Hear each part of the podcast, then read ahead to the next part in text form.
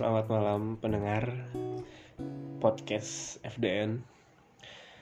Eh, malam ini gue akan membuat podcast yang bertemakan tentang percintaan ataupun mungkin hubungan eh, satu dengan yang lainnya yang bisa menjurus ke pernikahan mungkin ya. Pertama-tama gue mau ngucapin sorry buat kalian semua pendengar yang mungkin beberapa bulan kemarin gua nggak upload podcast di Spotify karena memang kegiatan yang memang gua lakuin beberapa bulan kemarin yang menyibukkan gua jadi susah untuk membuat podcast. Dan hari ini gua mulai lagi karena memang kosong waktunya dan sekarang gue membuat podcast itu nggak sendiri. Gue ditemenin sama teman gue sahabat gue sekaligus. Eh, Noval. Ewa. Halo semua. ya. Ya ini teman gue ya. Teman gue dari emang kuliah dari semester 1 sampai sekarang. Ya, betul. ya jadi ya memang kita ya udah temenan udah lama gitu kan udah sering untuk berbagai cerita kalau memang gua nginep ke rumah dia atau mungkin dia nginep di rumah gua. Jadi kayak tau lah cerita satu sama lain gitu kan.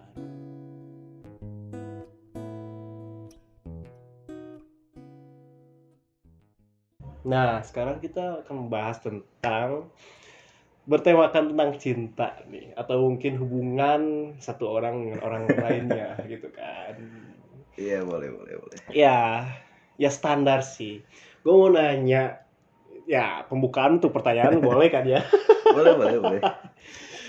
ya untuk pembukaan gue pengen nanya nih ke lu Far. Hanya apa tuh? ya ya pertanyaan simple aja sih lu sekarang hubungan lu apa maksudnya lu punya Waduh. menjalin atau mempunyai menjalin hubungan dengan seseorang atau mungkin apa gitu kan Ah, sekarang sih alhamdulillah lagi single sih.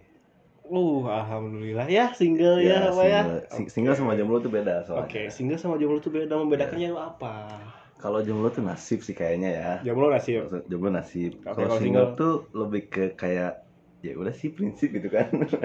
tapi kalau menurut gua tuh jomblo sama single tuh ya memang beda cuman emang eh, arti bahasanya tuh berbeda kalau misalkan Hmm. menurut gua jomblo jomblo tuh arti dalam kata kasar yang Hmm. tidak mempunyai pasangan Iya, iya bisa Ya. bisa sih. tapi kalau misalkan single itu tuh lebih secara halus atau spesifik Universal. Ah, ah, single tuh. Jadi kalau misalkan kita disebutnya jomblo, itu mungkin terkesan kasar ke kita karena memang orang-orang yang memang menilai kita tuh emang nggak kelihatan dengan pasangan kita jadi disebutnya jomblo gitu. Ah, iya. Tapi kalau misalkan emang orang-orang nggak kenal sama kita Hmm. dan memang kitanya nggak kelihatan dengan pasangan kita, berarti menilai orang-orang tuh menilai kita tuh seperti kayak oh orang ini single nih gitu.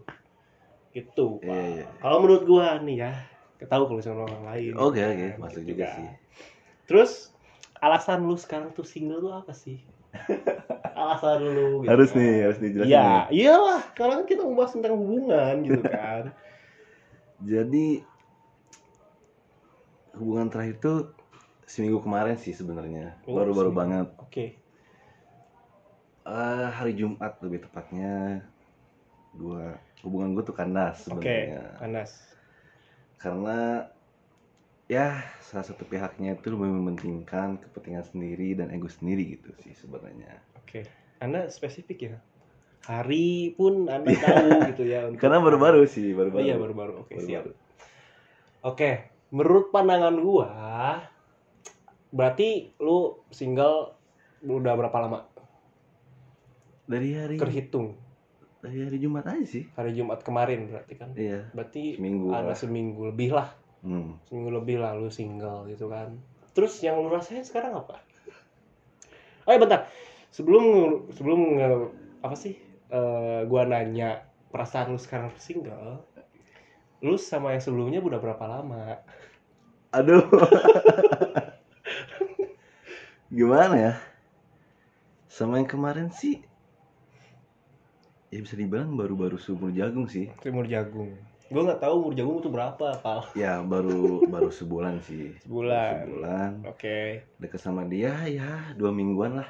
Oh deket dua minggu menjalin hubungan satu bulan oke gue akan tanya kenapa alasan lu kandas kan? Karena memang itu tidak penting di podcast iya ini. sih janganlah jangan tapi ya. gue pengen nanya gue pengen nanya perasaan lu ketika lu udah single dan emang ketika lu putus tuh kayak gimana gitu kan kan gini nih berbagai orang tuh atau berbagai tanggapan orang-orang tuh ketika dia single atau dia putus mau cowok atau cewek dia tuh pasti otomatis tuh galau kan untuk waktu yang emang tidak bisa ditentukan tuh kita sendiri gitu. hmm iya tapi kalau misalkan emang lu dengan jangka waktu yang emang cuman eh, satu bulan atau sebentar gitu kan Hmm.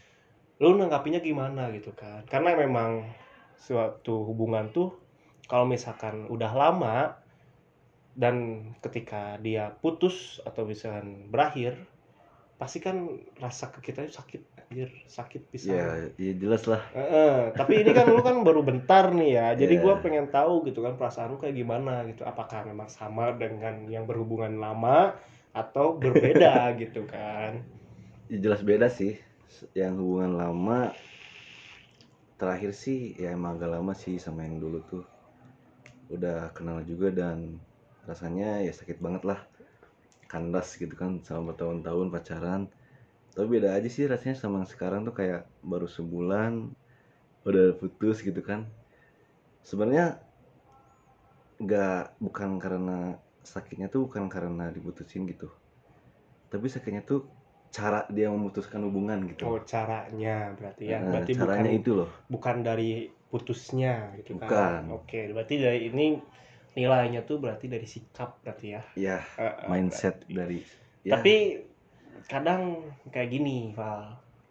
Kayak gue tuh pernah ngerasain kalau misalkan gue tuh gue tuh juga pernah gitu kan sebulan gitu kan pacaran gitu kan. Terus tapi bukan gue yang diputusin tapi gue yang mutusin gitu kan. Oh iya, iya. Hmm, tapi karena emang punya gue punya masalah tersendiri jadi gue harus mutusin dia.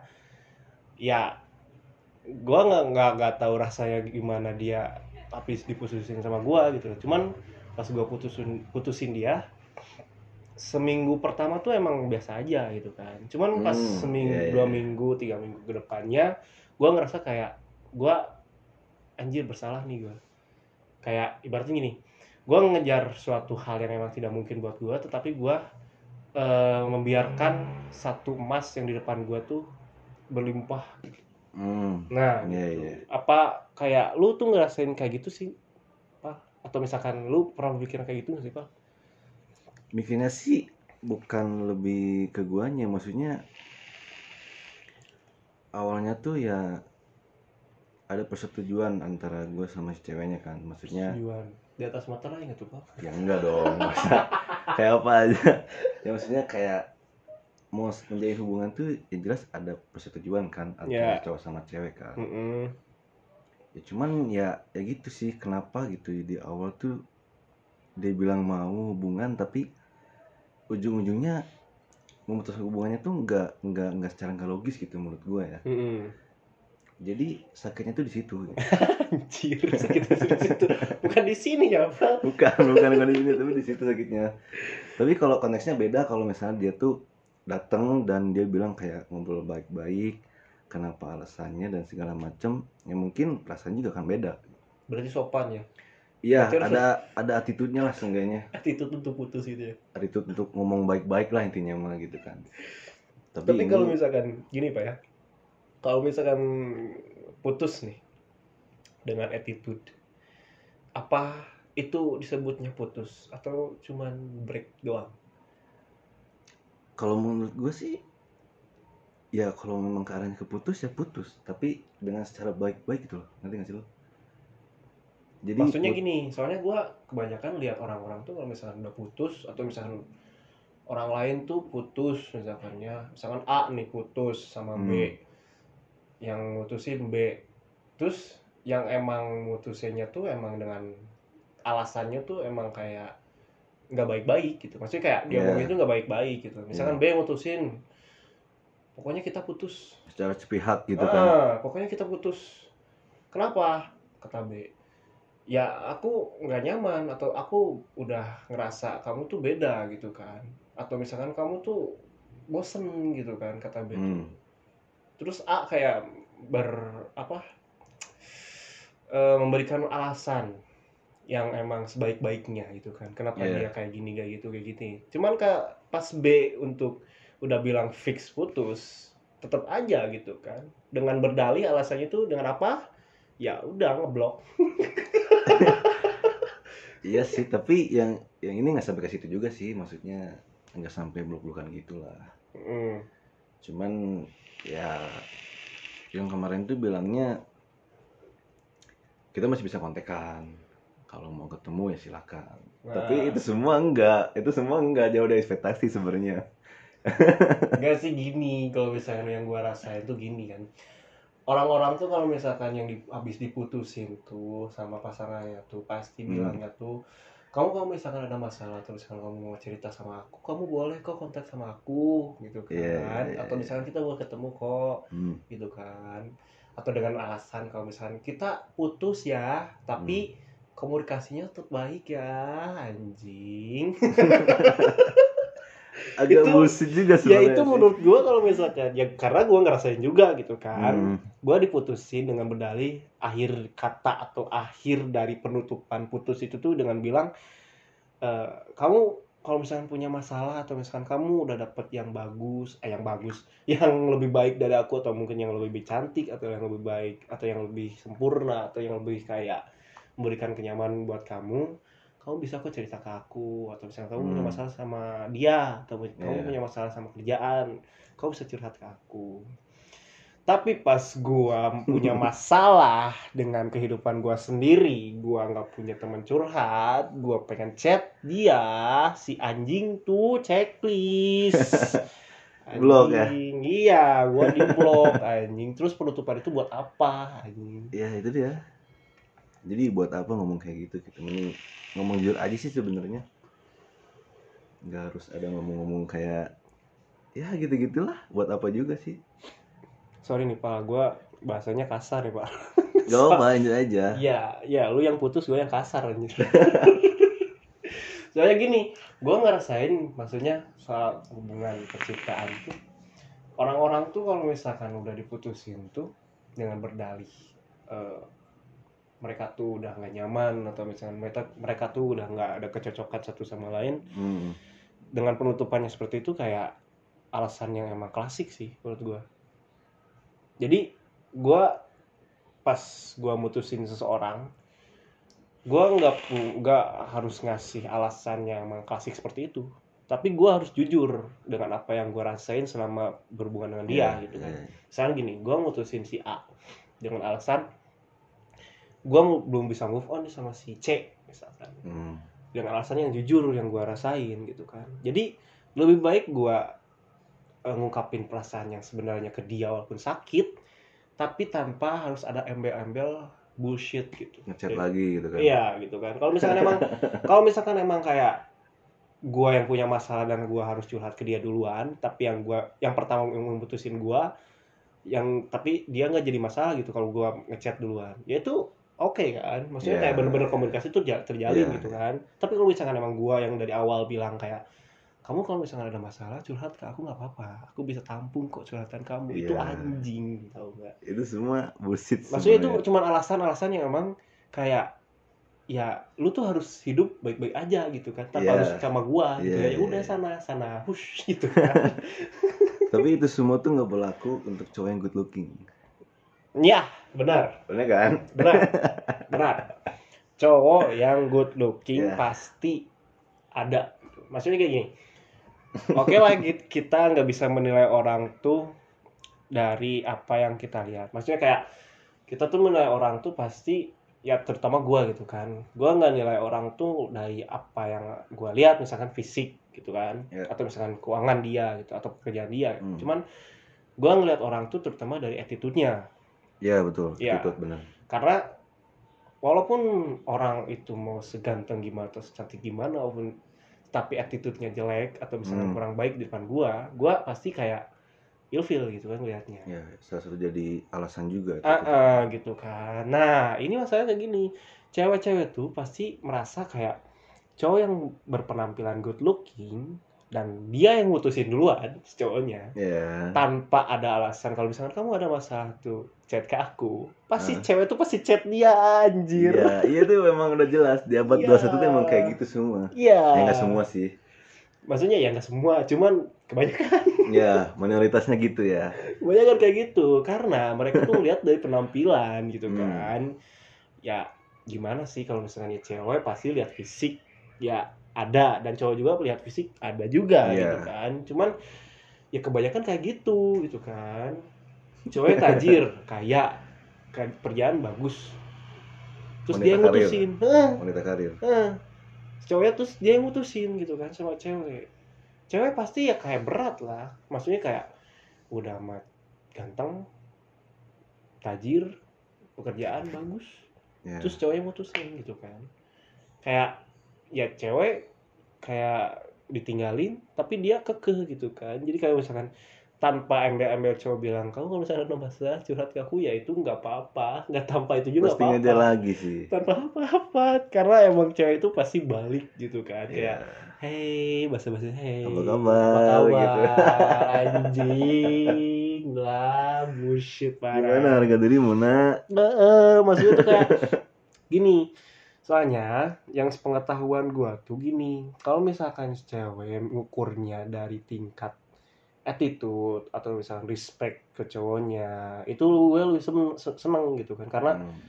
gua nilai kayak cewek tuh, cewek ini tuh kayak, wah anjir, dia ngehargain apa yang gua lakuin nih. Atau Iya. misalkan dia ngehargain apa yang gua misalkan beliin atau misalkan gua ngejemput dia kayak atau antar jemput dia kayak gitu kan. Hmm. Karena di zaman kita tuh kalau misalkan kita yang misalkan antar jemput atau misalkan beli sesuatu atau yang signifikan itu adalah bucin iya bucin bucin bu- bucin. pasti orang-orang tuh bilang kayak anjir lu bucin ke cewek lu kenapa sih? Kayak gitu kan. Hmm. tapi kalau menurut gua tuh hal yang wajar.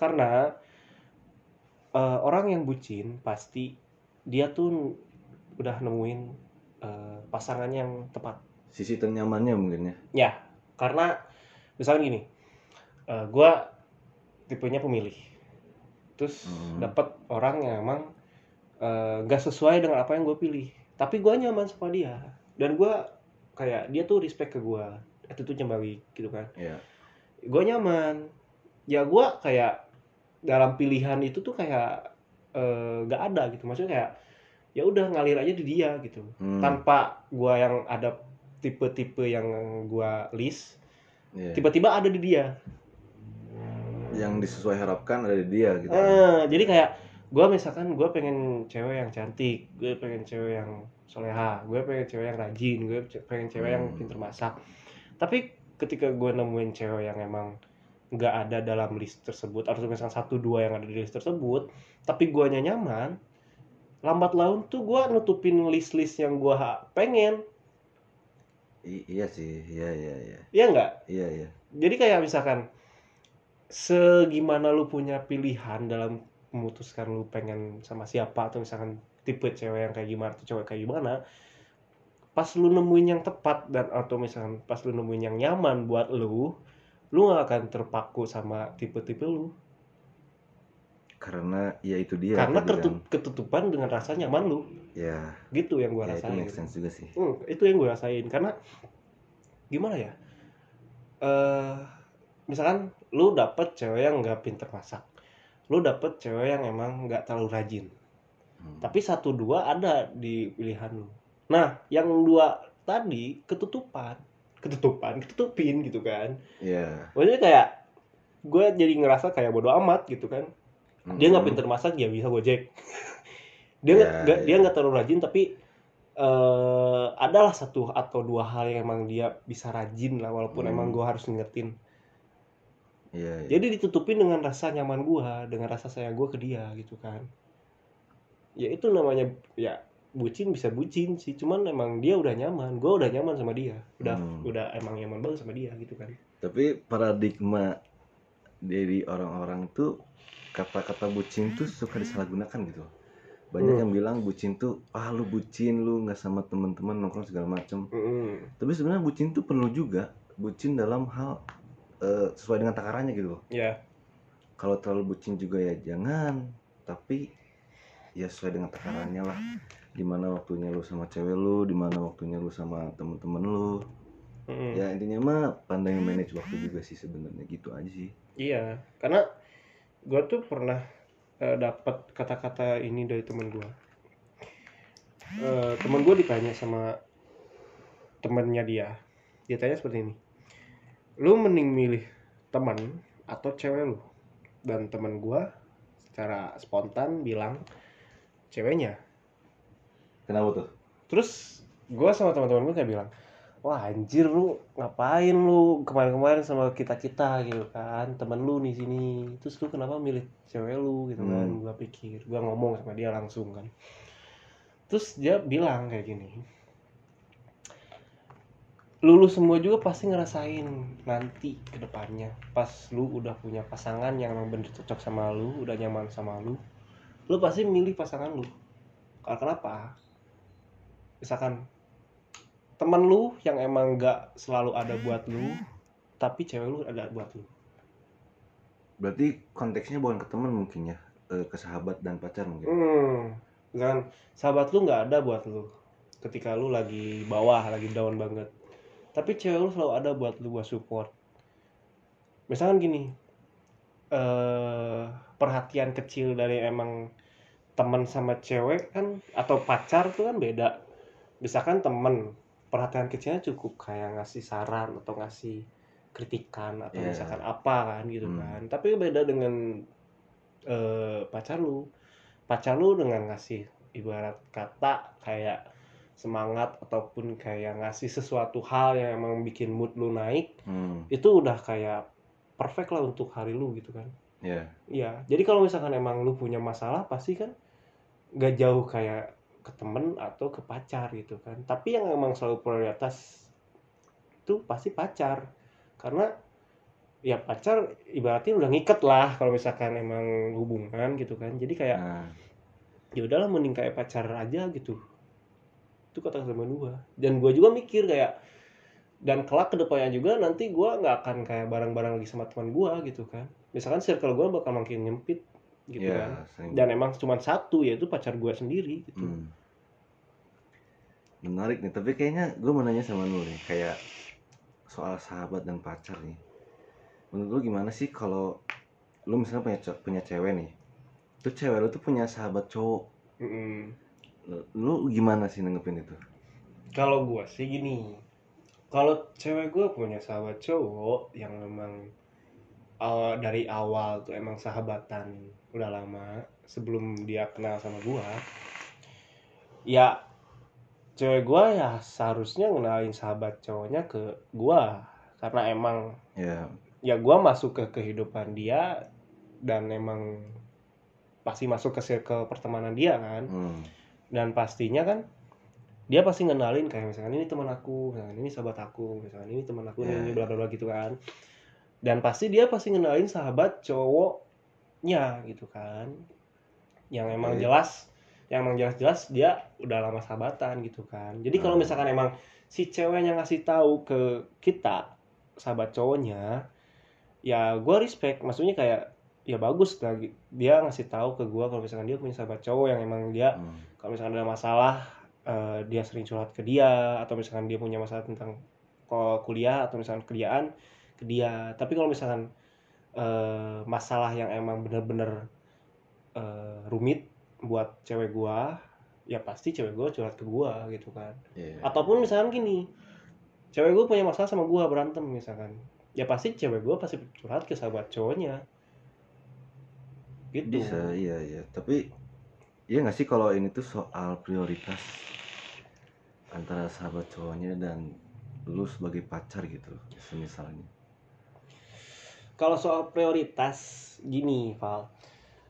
Prioritas tuh gimana orang yang nentuinnya. Ibaratnya gini, kalau orang yang itu orang atau pacar gua misalkan memprioritaskan ke gua sepenuhnya, pasti sahabat cowoknya nganggap kayak dia lupa sama temennya atau misalnya sahabatnya kan Ya, ya. gitu tapi kalau misalkan cewek gua bisa eh, apa eh, dua-duanya ke handle. Maksudnya kayak Hmm, dua-duanya tuh netral gitu. Ya. Ke sahabat cowoknya dia juga suka curhat atau misalkan dia ada perlu apa-apa dia bantuin. Dan ke gua juga kayak enjoy gitu kan. Bisa kayak apa gitu minta bantuan ke gua atau misalkan dia minta bantuan ke gua atau gua minta bantuan ke dia gitu Hmm. kan. Jadi kayak sebanding lah gitu kalau misalkan emang dia memprioritaskan ke sahabat cowoknya yang terlalu over gitu kan. Kalau misalkan ya contohnya gini kita udah janji eh, untuk nonton atau misalkan jalan gitu kan. Terus dia ngebatalin sepihak karena emang dia harus nemenin sahabat cowoknya untuk kayak eh, nugas atau misalkan tugas atau apa ya hmm, sesuatu hal yang emang terjadinya itu dadakan gitu kan. Ya. ya kalau misalkan satu dua atau tiga ya itu wajar sih ya. Tapi kalau misalkan emang di Benar, guanya yang emang penting atau misalkan di guanya yang emang bener-bener lagi butuh dia Mm-mm. tapi dia prioritaskan sahabat cowoknya ya gua juga kerasanya kayak berat sih maksudnya kayak gue yang emang memilihnya kalau misalkan curhat cuman ke dia doang dan emang emang bener-bener butuh sama dia terus dia emang gak bisa ada waktu buat gua terus Hmm. dia lebih penting ke sahabat cowoknya ya gua ada kerasa kayak jealous sih maksudnya kayak ya ya di saat gue lagi down tapi dia lebih milih ke sahabat cowoknya gue jadi kayak eh apa sih kayak dia tuh terlalu lebih gitu ke sahabat cowoknya gitu terlalu Hmm. over gitu kan Iya sih berarti di sini konteksnya mau lo temu cewek lu harus ada toleransi ya kan di mana yang ya itulah yang pentingnya eh, ke pacar gimana ke sahabat cowok gimana Mm-mm. ya itulah Iya. yang manage ya menurut gue lu. menurut gue sih gitu. Tapi kalau misalnya menurut lu gimana? Menurut lu nih kan? Kan beda nih kan? Pendapat gue sama lu kan beda. Menurut gua soal cewek punya sahabat cowok nih. Mm-mm. ya itu sama kayak lo sih dari awal kayak dia ngenalin kalau ini temen sahabat cowoknya atau teman-teman cowoknya. Ya dan bener juga sih kayak di awal kan gua hidup eh gua hidup lagi. Gua datang ke kehidupannya otomatis gua juga harus tahu kehidupannya kan. Harus tahu circle-nya tuh siapa-siapa aja. Sekarang konteksnya kalau misal memang misalnya dia ngenalin teman-teman cowoknya oke aja sih fan-fan aja kan. Tapi kalau misalnya memang dia kayak menyembunyikan teman-teman cowoknya tuh kalau ada sesuatu tuh kayak posisi gue tuh kayak terancam gitu loh. Mm-mm. jadi takutnya tuh ketika ada masalah sama gue dia larinya ke sahabat cowoknya. Mm-mm. dan takutnya biasanya ya nggak semua sih biasanya ketika ada masalah sama pacarnya dan dia lari ke sahabat cowoknya tuh ketika si ceweknya ngerasa nyaman tuh bakal timbul rasa sayang gitu Mm-mm. bakal kayak ih sahabat cowok aku tuh lebih ngerti gue misalnya ya udah kenapa nggak sama dia aja gitu. Mm. tapi ya nggak semua juga sih Mm-mm. kayak gitu Ya.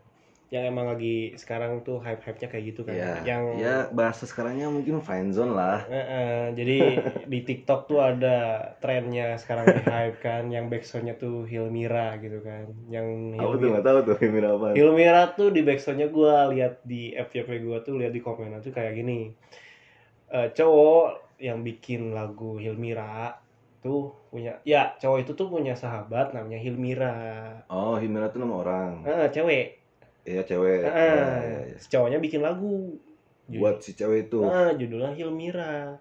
Mm-mm. Jadi kayak ibaratin dia mereka tuh udah eh, pacaran lagi. Mereka tuh udah sahabatan lama. Tapi si Hilmira ini, ini tuh nggak tahu kalau si cowoknya atau temen cowoknya tuh punya perasaan ke dia. oh iya Kayak iya, gitu. iya, Jadi ya emang apa yang kita obrolin sekarang ya emang ada hype-nya lagi zaman sekarang gitu kan. Ya soal ngobrolin ini sih sebenarnya agak klise juga sih gimana pembawaan si cewek atau si cowoknya sih sebenarnya. Iya benar. Kalau dia bisa ngebawanya ya fine fine aja ke depannya. Cuman ya gitu aja sih yang namanya perasaan atau hati cowok atau cewek nggak ada yang tahu. Iya dia emang. mau ada rasa gimana pun ya soal hati ya udah nggak bisa ngapa-ngapain. Karena gimana ya? Ya gua ngerasain sih gimana rasanya kayak persahabatan? Cowok sama cewek tuh kayak gimana gitu kan? Lu juga pernah ngerasain kayak lu punya sahabat cewek tanpa ada rasa perasaan apa pun gitu kan? Nah. tapi di satu saat lu punya perasaan yang lebih ke dia. Iya. gue jamin lu pasti ada. Iya, emang dan pasti pasti satu dua orang pun yang punya sahabat cowok atau cewek pasti punya perasaan lebih. Tapi mereka tuh memendam perasaannya. Karena mengingat mereka tuh ada status sahabat. Iya. Mungkin mereka juga tahu kalau mereka terjun ke arah lebih serius, mereka akan merusak merusak pertemanan gitu loh. Eh, Merusak circle juga sebenarnya. Eh, nah gitu Iya. ya.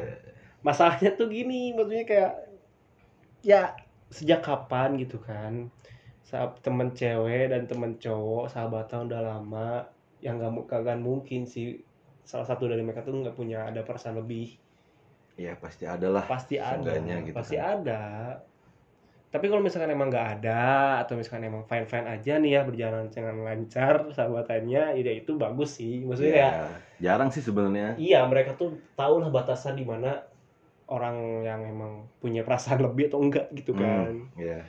jadi gimana ya ngebahasnya tuh kayak kalau misalkan emang dia punya perasaan dari awal yang mending dibilang gitu loh Iya, iya. daripada iya. lama dibiarin terus emang di sifatnya tuh jadi sahabatan jadi friendzone Nah, kan ke kitanya kayak gendok gitu kan Iya. mendem sendiri jadi kayak kita stuck di dia Hmm. walaupun emang gua pengen cabut dari sahabatan gua dengan rasa yang nggak enak dengan cara mencari cewek lain tapi tetap perasaan gua ke, ke dia ke sahabat cewek gua Iya, gitu iya. kan yang Ya, susah karena- tuh mereka tuh satu sama lain udah saling tahu sih dari sifat dan kebiasaan mungkin ya. Ah, ah, jadi kan susah gitu kalau misalkan kita nyari yang lain yang emang udah nyaman ya kembali lagi ke topik awal Iya. kalau misalkan udah kita nyari yang nyam- nyaman udah kayak ngerasa nyaman ke kita ya susah kita bakal Hmm. susah untuk nyari yang lain gitu kan kecuali emang salah satunya punya masalah tertentu misalkan ceweknya punya masalah ke gua atau gua punya Ah. masalah ke dia ya udah hancur Ya udah. Jadi toxic relationship sebenarnya. Ya itu. iya, Toxic. gitu Jadi kan. hubungannya nggak sehat lah intinya. Iya, tapi gini Val, nyambung ke toxic relationship gini. Terkadang di suatu hubungan tuh harus ada toksiknya. Biar lebih cair. gitu kan maksudnya. Iya, maksudnya kayak Ah, gini. iya, iya, iya. Hubungan tanpa toksik pun itu bakal kaku. Menurut gua, Iya, emang memang. Menurut gua, Iya, kan. emang, emang. hubungan tanpa toksik itu pasti kaku. Pasti ada eh, percikan atau misalkan bumbu-bumbu toksik lah di antara mereka. Jadi kayak Hmm. ibaratin gua ngelihat kayak di Instagram gitu kan kayak eh, cewek satu cewek dideketin sama berbagai cowok banyak cowok misalkan si cowoknya tuh kayak flat gitulah Hmm. flat Lebih gitu, serius banget, sangat serius banget gitu kan tapi si ceweknya tuh lebih suka yang emang cowoknya tuh ke arah yang lebih toksik gitu kan atau yang Hmm. semi semi fuckboy gitu kan Oh, fuckboy ya. Ini agak deep juga nih ngomongin fuckboy ya. lebih ke fuckboy gitu kan kayak eh, ini yang ngechat aku di Instagram ini yang ngechat aku misalkan cewek si cowoknya tuh yang banyak cowok tuh ngechat kayak Hai cantik atau misalkan jalan yuk misalkan atau misalkan ih alhamdulillah ih ukti misalkan gitu Iya, kan iya, iya. terus ada di cut scene-nya diganti ke cetan dia lebih suka ke cowok yang kayak flat atau cuek Hmm. atau yang eh, sisi misterius gitu kan Agak kemudian juga berarti ini. Ah, ah, jadi kayak ibaratin ya kita bisa paham gitu kan cewek tuh suka yang modelan kayak gimana gitu lah Iya, iya. Eh, gitu kan jadi bener gitu zaman zaman sekarang tuh cewek lebih suka yang ke ranah yang kayak gitu Hmm. Jadi buat buat lu semua pendengar cowok tentunya.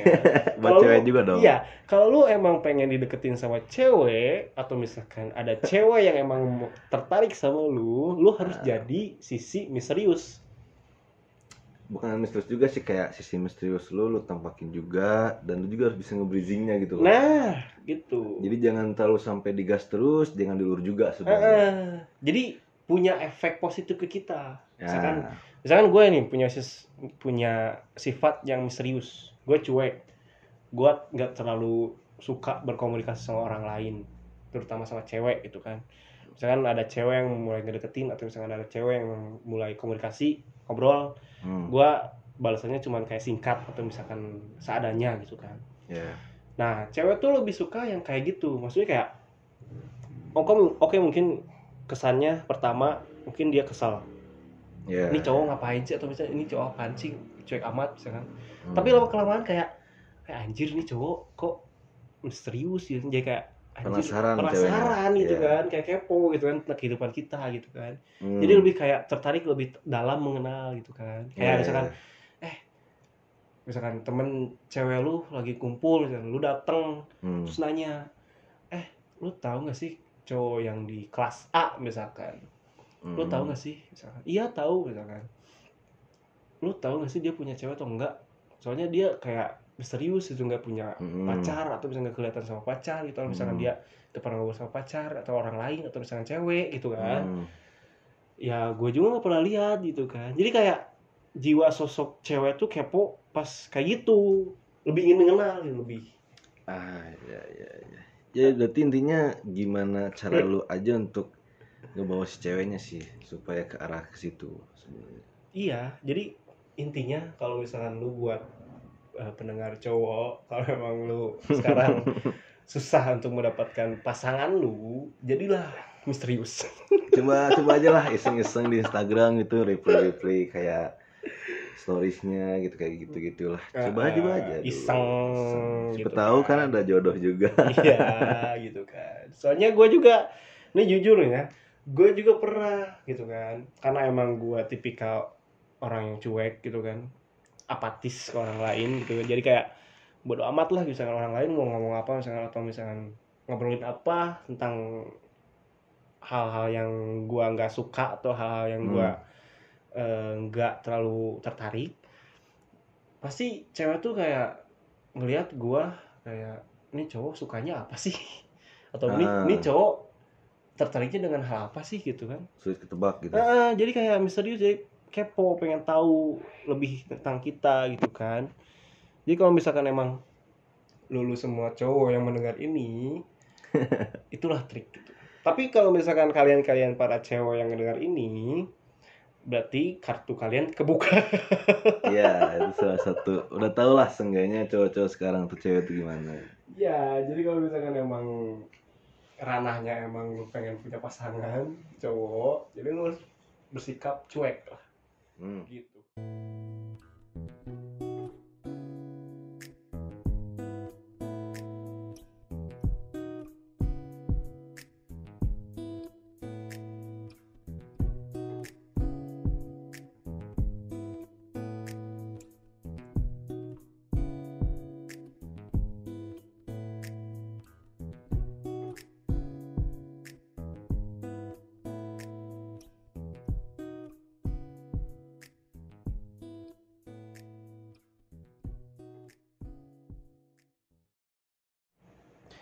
jadi pal gue mau bilang sesuatu Ya apa tuh?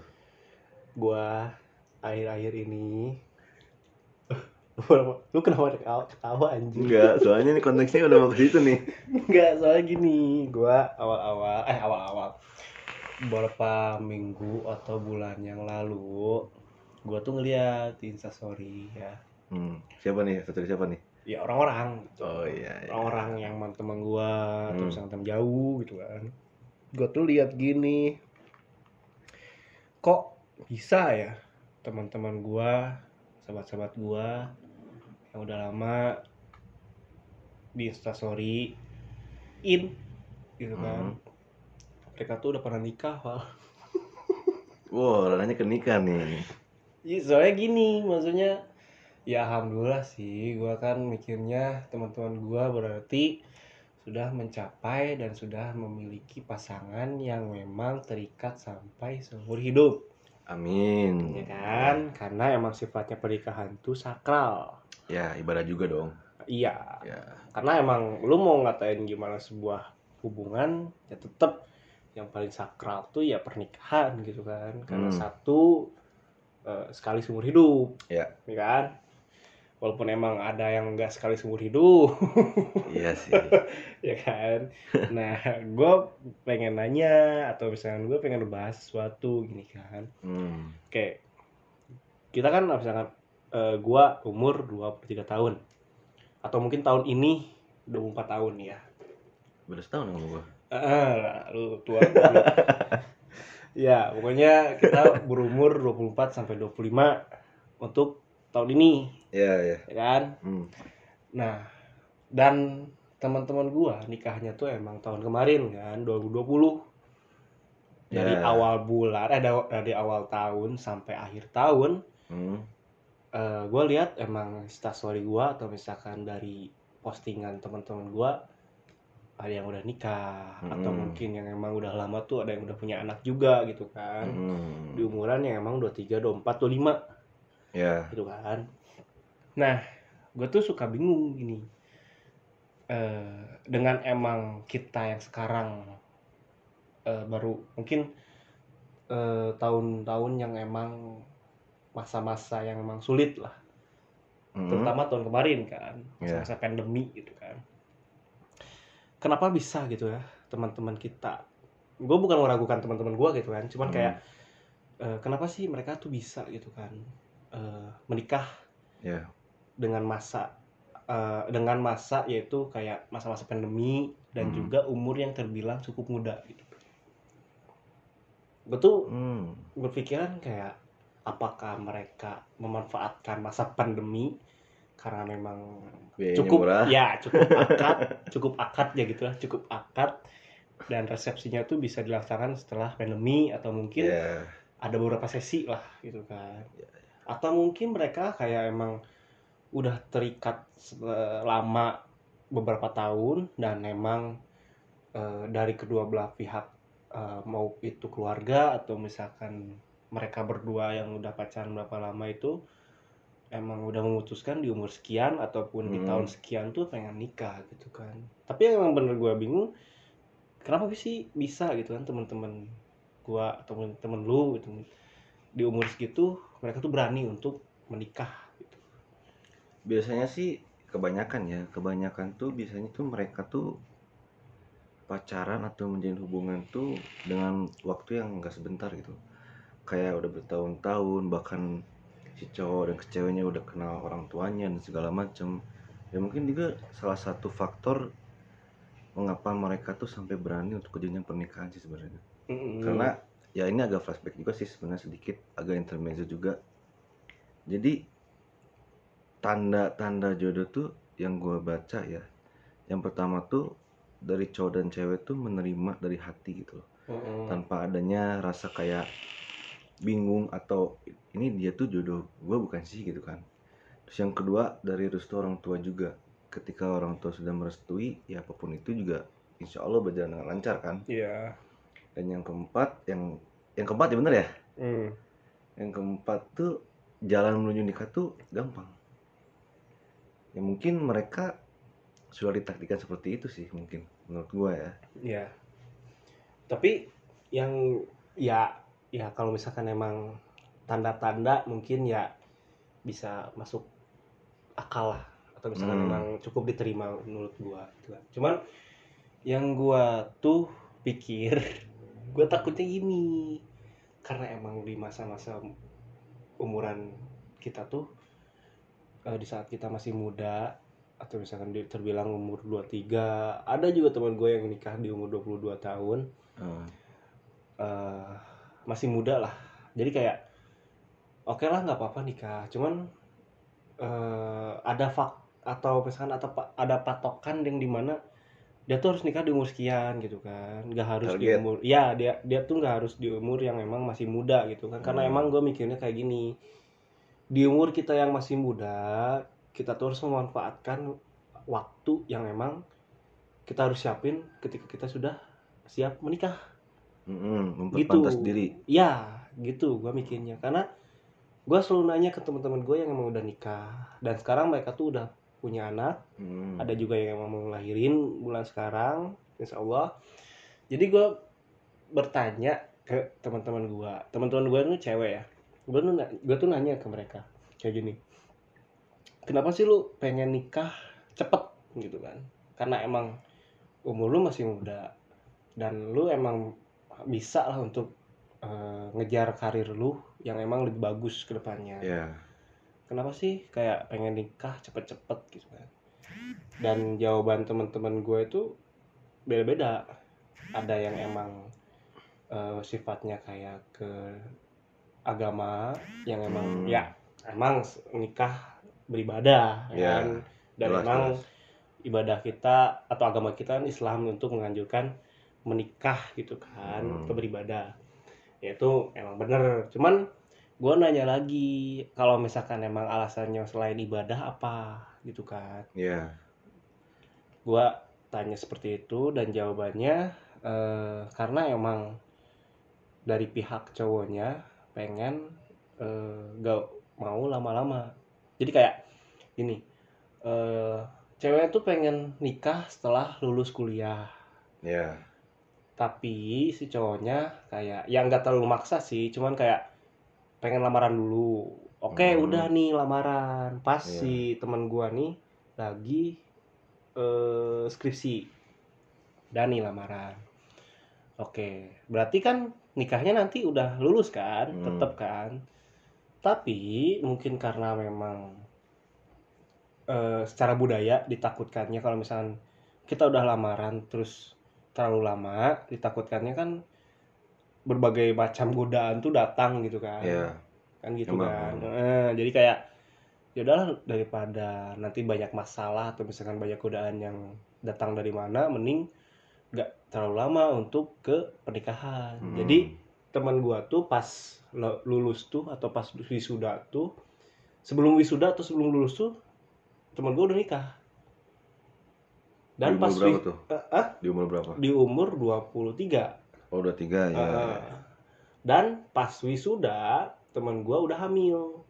Hmm. Heeh, hamil gak tau berapa bulan gua lupa. Gak tau 5 gak tau 6 bulan gitu kan pas wisuda jadi kayak emang udah sekarang emang teman gua emang sekarang gak kerja dan emang sekarang menjadi seorang ibu yang ikut ke suaminya gitu. Hmm. itu yang pertama teman gua. Ya yang kedua teman gua yang cewek yang kedua udah kerja nih. Wanita karir bukan? Eh disebut wanita karir juga iya. Oh iya, iya atau iya. misalkan disebut mm, nggak terlalu terpatok ke pekerjaan juga nggak juga gitu Ah. kan. Jadi ya pekerja biasa lah gitu. Hmm. gue tanya dia udah nikah dan sekarang dia udah punya anak. Gue tanya lagi nih kenapa sih pengen cepet-cepet nikah gitu kan. Cewek juga. Dan jawabannya karena eh, sama-sama pengen cepet nikah. Hmm. teman gue pengen cepet nikah pacarnya juga pengen cepet nikah. Jadi mereka kayak emang udah nentuin kayak pengen nikah di tahun eh, yang udah ditentuin oke Eh, terus yang terakhir nih teman gue cewek juga Hmm. eh, yang nikah di akhir tahun ya akhir-akhir tahun 2020 lah nikahnya ya Mm. Dan sekarang lagi hamil. Nah, gua nanya lagi, kenapa pengen cepet-cepet nikah? Sama Hmm. pertanyaannya. Dan jawaban teman gua yang terakhir tuh yang bikin gua ketampar dan emang bikin gua mikir untuk nikah juga Hmm. seperti ini. Eh, teman gua yang ini tuh nggak terlalu pengen cepet-cepet nikah tapi cowoknya pengen kayak cepet-cepet nikah karena emang gak mau lama-lama pacaran takutnya kayak eh, dosa gitu kan Hmm. Atau terlalu mena- menambah dosa bagi mereka. Tapi teman gua nih kayak eh, nggak mau terlalu cepet untuk nikah. Jadi mereka tuh pacaran dulu. Hmm. gitu kan. Pacaran dulu agak lama mungkin selama tiga tahun mungkin ya. Terus memutuskan untuk nikah. Karena memang mungkin teman gue ini sekarang udah kayak mikirnya kayak yang bener kayak cowoknya gitu kan. Gak boleh Yeah. lama pacaran. Gitu nikah nih ya. Nikahnya pas pandemi. Pandemi yang emang awal-awal lagi rame-ramenya nih. Hmm. gitu kan. Akad cuman akad. Dan belum resepsi sampai sekarang kan. Nah kemarin kumpul eh, sama teman-teman cewek gua dan juga ada teman gua yang cowok. Eh, gua nanya kayak gimana sih sekarang udah jadi kayak ibu atau eh, bukan ibu istri gitu kan. Terus gue nanya juga kayak ke teman cewek juga yang cewek gue yang udah punya anak gua sih rasanya sekarang jadi ibu? gitu kan. Hmm. kalau misalkan yang emang jadi ibu ya sama jawabannya ngurus anak kayak gitu kan. Ya. lihat perkembangan anak gitu kan. Kalau yang terakhir ini nih yang emang baru hamil jawabannya kayak gini. Setelah nikah tuh aku ngerasa pintu rezekiku atau pin- pintu rezeki aku tuh kebuka Iya, iya. jadi eh, apa yang mungkin punya masalah ekonomi atau misalkan apa yang dia butuh yang emang susah atau misalkan emang dia belum ada uangnya pas udah nikah tuh kayak ada gitu jalannya Mm. jadi ada emang bener sih kata dia kalau misalnya udah nikah tuh pintu rezeki kebuka gitu dan dia juga ngerasain gitu kan. Nah gue ketampar sama kata-kata itu. Ya walaupun emang gue udah tahu kan kata-kata itu kalimat itu karena emang pernikahan tuh atau ibadah itu ibadah pernikahan itu akan membuka pintu rezeki. Salah satunya. Eh, eh, cuman bagi cowok kita kan ngerasa takutnya tuh kayak kita tuh bawa anak orang nih. Iya. kita bawa anak orang dan emang kita nanti ke depannya gimana gitu. Apakah bisa untuk mengurusi eh, anak orang ini gitu kan? Iya. ngasih makan gimana gitu Hmm. kan? Ngasih nafkah gimana gitu kan? Apakah kita sanggup? Apakah kita bisa gitu kan? Hmm. yang ditakutin cowok tuh gitu. Cuman pas gua denger dari kata-kata itu atau misalnya dari teman gua gue yakin nih kayak gue kayak bener sih gak usah lama-lama pacaran gitu Iya karena endingnya pasti ke arah situ kalau emang yang sudah ngerti ya. Heeh. Kalau misalkan menurut lu, menurut lu nih, misalkan eh, soal pernikahan yang emang pengen cepet-cepet, atau misalkan lu punya suatu hal yang emang temen lu udah nikah nih, atau misalkan dalam segi agama yaitu ta'aruf, gimana? Taruh. Kalau menurut gua sih dari kata nikah tuh, kalau menurut gua nikah tuh adalah sesuatu yang maha menurut gua ya. Nggak semua orang tuh bisa ke arah situ gitu. Mm-mm. Soalnya lu kalau mau ke arah nikah, lu terus mempersiapkan diri lu kayak dari mulai pola pikir, gimana cara lu supaya eh, bawa istri lu ke hal yang benar, Mm-mm. terus ngurus ist- ngurus anak lu gimana nanti ke depannya, ngasih makan segala macem. Itu sebenarnya harus udah harus udah ada di otak lu gitu, tanpa harus lu harus ke sana ke sini nanya segala macem. Dan itu juga sesuatu yang emang harus bener-bener lu kuasain gitu loh. Itu hal-hal dasar sih sebenarnya. Makanya kenapa banyak orang yang pengen cepet nikah tapi mereka belum tahu ilmunya gitu. Mm-mm. Jadi ya buat kalian cowok-cowok atau cewek-cewek yang mau nikah lebih bagusnya sih untuk memperpantas diri dan mempersiapkan diri sih sebenarnya untuk ke arah sana sih. Gitu sih sebenarnya kalau menurut gua. Tapi terkadang kayak orang-orang tuh atau misalkan pasangan-pasangan tuh yang gua lihat nikahnya tuh terpatok pada orang yang sudah menikah. Lihat story temen gitu misalnya, Iya. circle-circle-nya pada nikah. Ah, jadi kayak wah teman gue nih udah nikah gitu kan dan ada selingan kalimat-kalimat yang yang baru nikah tuh kayak gini Hai, wah kamu datang ya alhamdulillah ya datang gitu kan ya kamu kapan Iya, iya, iya, iya, iya. Anjir. kayak deep gitu kan kalau misalkan kita Nah. bawa pasangan kita terus kayak ditanya kayak gitu wah kalian kapan nih gitu kan nyusul gitu kan jadi kayak bahan pertimbangan kita nih kalau misalkan buat cowok gitu kan Mm-mm. Nah, kalau misalkan udah kayak oke kita udah salaman ke pengantin misalkan ya. Wah, kalian datang alhamdulillah gitu kan. Kapan nyusul nih gitu kan. Hmm. Nah, untuk cewek sih ya udah kan tinggal nunggu. Iya, ya, iya, enaknya cewek cewek tuh tinggal iya. nunggu kan.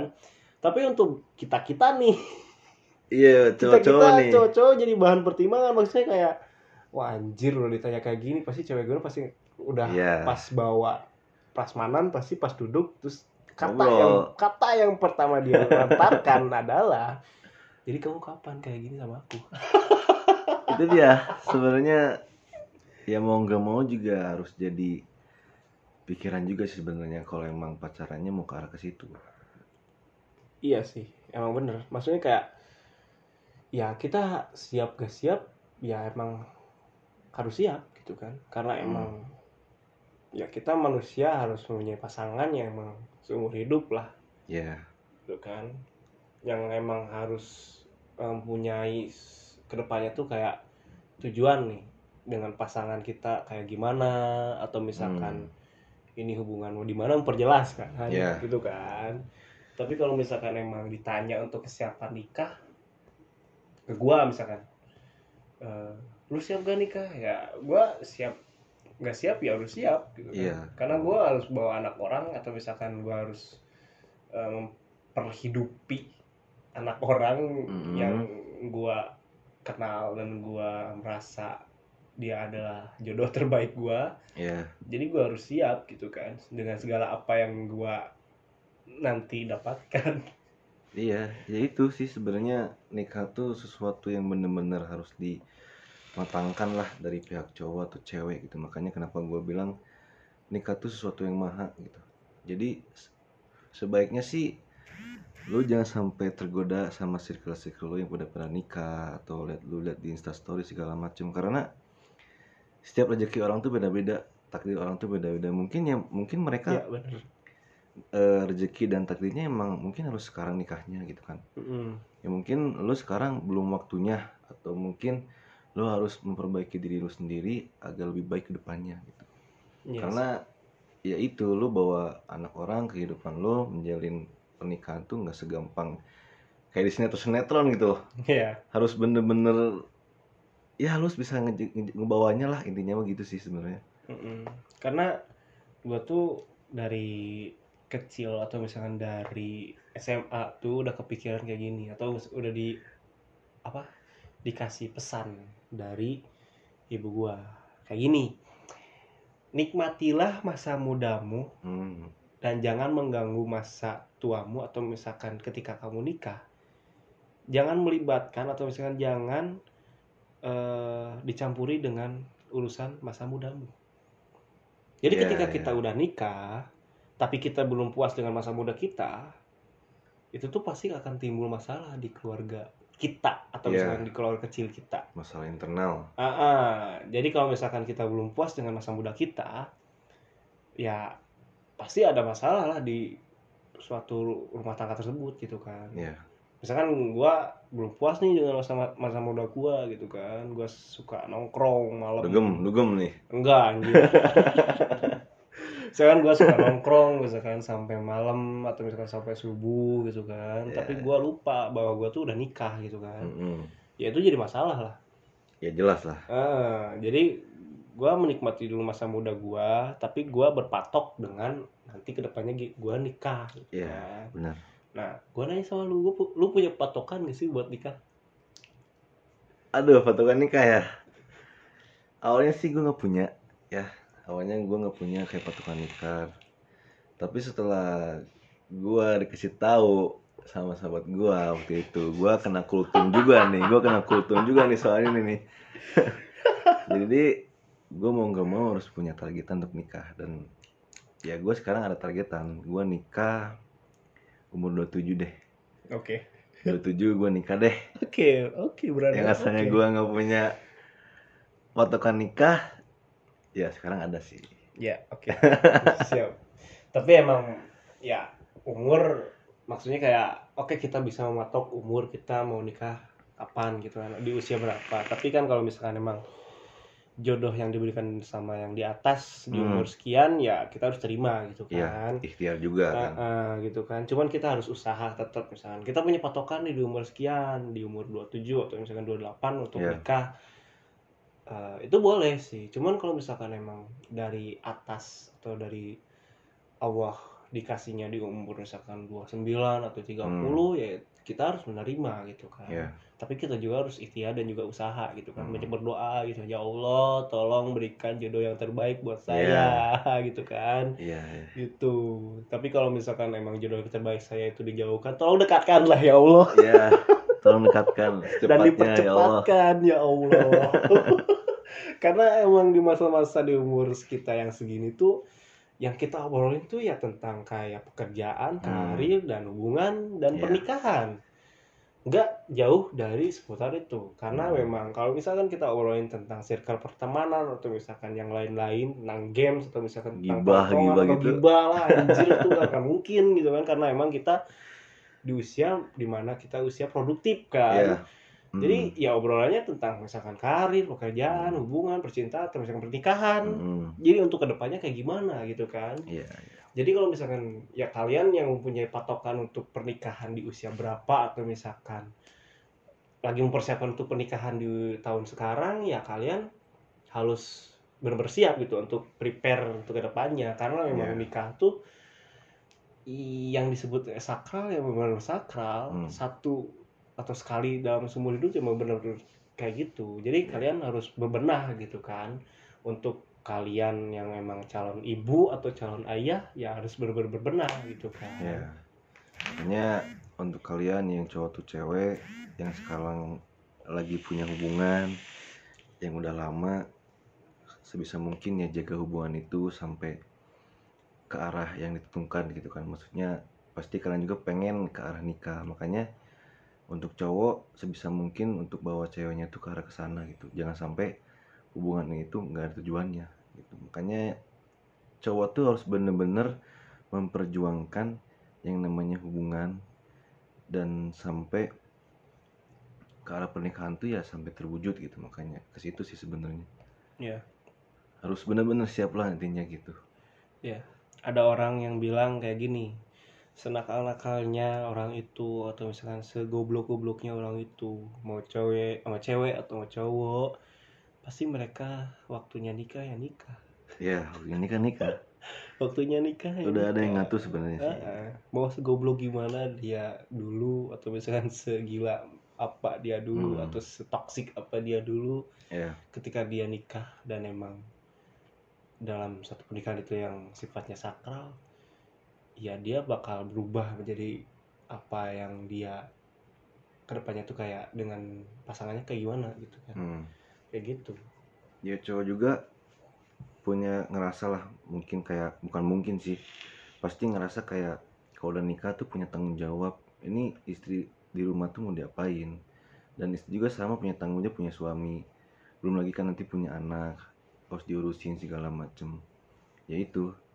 Jadi kalau bisa buat kalian yang punya hubungan lama cobalah untuk ke arah sana gitu jadi biar bahasa Sundanya mah pugu lah hubungan teh mau ke mana gitu. Intinya mah gitu sih sebenarnya. Udah umur umur segini mah kayak umur 24 25 tuh kayak bukan untuk waktunya pacaran pacaran kayak zaman SMA tau kan lo kan? Kayak Iya. gimana sih SMA kan? Iyalah. Sekarang tuh umurnya kayak punya cewek terus bisa diajak komitmen ke arah nikah ya udah lu perjuangin lu pertahanin gitu. Karena nggak semua cewek tuh cowok yang punya mindset seperti itu gitu. Makanya kita juga selektif untuk cari cowok atau cewek yang sepemikiran gitu sefrekuensi. Ya mau ke sana gitu. Ya itu harus sih kalau misalkan untuk hubungan yang emang frekuensi karena gimana ya kalau misalkan emang dari awalnya mereka nggak frekuensi hmm. atau tidak se apa tidak sesuai dengan apa yang dia obrolkan atau diobrolin dari Iya. awal dia pas dia pacaran pasti pas pernikahan pun dia bakal jenuh Mm-mm. maksudnya tuh kayak eh, apa sih yang kita obrolin nanti pas pernikahan atau misalnya di hari tua nanti kita udah nikah lama Iya, iya. jadi kan dia harus fre- sefrekuensi kan Mm-mm. itu udah jelas sih harus Eh, eh, jadi buat kalian-kalian yang membuat mempunyai pasangan cobalah untuk menjaga pasangan kalian. Nah dan juga- emang kalian harus ya komit lah. Intinya komit sih. Kalau Hmm. misalkan emang kalian udah dari awal ingin komit dengan pasangan kalian terus kak karena kenapa? Kalian punya niat dan tujuan yang baik buat ke depannya buat pasangan kalian. Jadi kalau misalkan emang kalian punya pasangan yang baik juga dan juga niat baik juga teruskanlah. Ya perjuangin hubungannya Nah, perjuangin karena kalian mempunyai alur atau frekuensi yang sama yaitu Hmm. ke hubungan yang serius ya Ya. gitu. Jadi kalau misalkan memang kalian punya pasangan seperti itu lanjutkan dan jangan sampai ya kata pahitnya putus gitu ya gitu Mm. ya gitu Ah, nah mungkin dari gua cukup untuk podcast hari ini yang tentang ya banyak lah untuk diobrolin hari ini ya Ya. malam ini gitu kan. Karena apa ya gua sama si Opal ini udah pengen gitu kan untuk ngobrolin atau cerita-cerita tentang hal kayak gini. Cuman emang gak ada waktunya dan gua juga Iya. baru pulang gitu kan dari pekerjaan gua. Jadi baru sekarang gua cerita. iya untuk sharing ke kalian gitu kan. Jadi ya mungkin cukup ya sekian buat gua dan juga Noval ya Pal thank you Pal Ya, buat makasih. datang gitu kan. Terima kasih buat kami udah ngeluangin waktunya sama kalian yang makasih udah dengerin podcast ini. Ya semoga bermanfaat. Ambil aja yang baiknya buang yang buruknya. Dan satu lagi nih buat kalian nih mungkin ada yang pengen eh, ngobrolin sesuatu soal apa pun itu mau hubungan atau apa pun yang pengen kalian obrolin bisa boleh DM ke IG kita masing-masing. Ya. Ya karena kita harus pansos ya. Ya. Kita harus pansos karena biar orang-orang tuh tahu tentang podcast kita Ah, yang emang Gitu. positive vibes. Hmm, jangan lupa diikuti ya podcastnya. Ikuti ya, ya. pokoknya jangan lupa follow ya nama IG gua itu Fahmi DN pakai P karena gua orang Sunda dan juga IG-nya Vale Val IG gua abeng baik. Ya, ya. Nama lu Vale tapi IG lu yang baik ya anjing. soalnya username-nya kan Pak Pale jadi nggak enak pada TikTok. Ya Pak Pale Pak Pale. makanya gua ganti username-nya. Ya udah mungkin cukup sekian dari podcast gua hari ini. Gua minta maaf kalau misalkan gua punya ah, perkataan yang mungkin gak enak atau misalkan ada kata-kata yang gak enak buat kalian dengar. Ya. dan gua juga terima kasih minta terima kasih kepada kalian yang udah ngedengerin podcast gua Hmm. yang emang jedanya agak lama berbulan-bulan tapi mungkin ini podcast yang cukup bermanfaat bermanfa- bermanfaat buat Ya. kalian. Gua akhiri. Selamat malam semua selamat tidur dan assalamualaikum warahmatullahi wabarakatuh. Ya makasih buat semuanya. Ya bye guys